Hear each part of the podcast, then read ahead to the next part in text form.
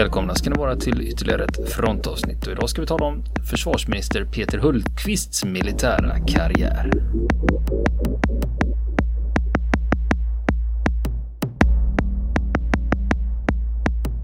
Okej. Ja, nu, Niklas, vi har haft en serie när vi pratar om politiker och presidenter, vad de har haft för bakgrund inom eh, militären. det. Och nu har vi kommit till svenska försvarsministern Peter Hultqvist. Okej. Mm. Ja, det var så, 1978 då ryckte han in till Dalaregementet i Falun, I13. Ja. Och där eh, gjorde han sin värnplikt i 57 dagar innan han ansökte om vapenfri tjänst. Första ansökan avslogs och, och det, här, det här drog ut på det, det tog flera månader. Och det var inte förrän i mars året därpå som han fick godkänt att han skulle genomföra vapenfri tjänst. Och det gjorde han också inom kriminalvården. Se där.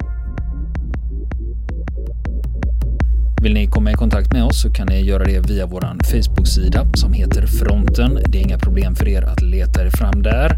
Eller också så mejlar ni på vår mejladress och det är frontenpodcast@gmail.com.